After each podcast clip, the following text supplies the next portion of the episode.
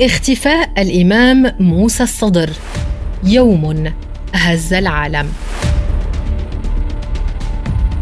كما أعلن قبل مغادرته لبنان حل الإمام الصدر بمرافقة الشيخ محمد يعقوب والصحافي عباس بدر الدين ضيفا على السلطة الليبية في الخامس والعشرين من أغسطس. فيما أغفلت وسائل الإعلام الليبية أخبار وصوله إلى ليبيا ووقائع لقاءاته.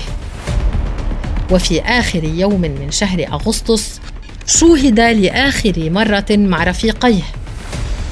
وكان من اللافت عدم اتصال الإمام الصدر بأركان المجلس الإسلامي الشيعي الأعلى في لبنان وبعائلته.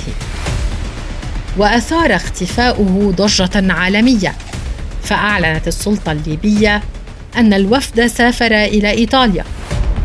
وعلى الرغم من إيجاد حقائبه في فندق هوليدي إن في روما أبلغت الحكومة الإيطالية رسميا كلا من الحكومة اللبنانية والمجلس الإسلامي الشيعي الأعلى في لبنان والحكومة السورية والإيرانية أن الوفد لم يدخل الأراضي الإيطالية ولم يمر بها ترانزيت. وإلى اليوم لا يزال مصير الإمام موسى الصدر مجهولا. كان ذلك في الواحد والثلاثين من أغسطس 1978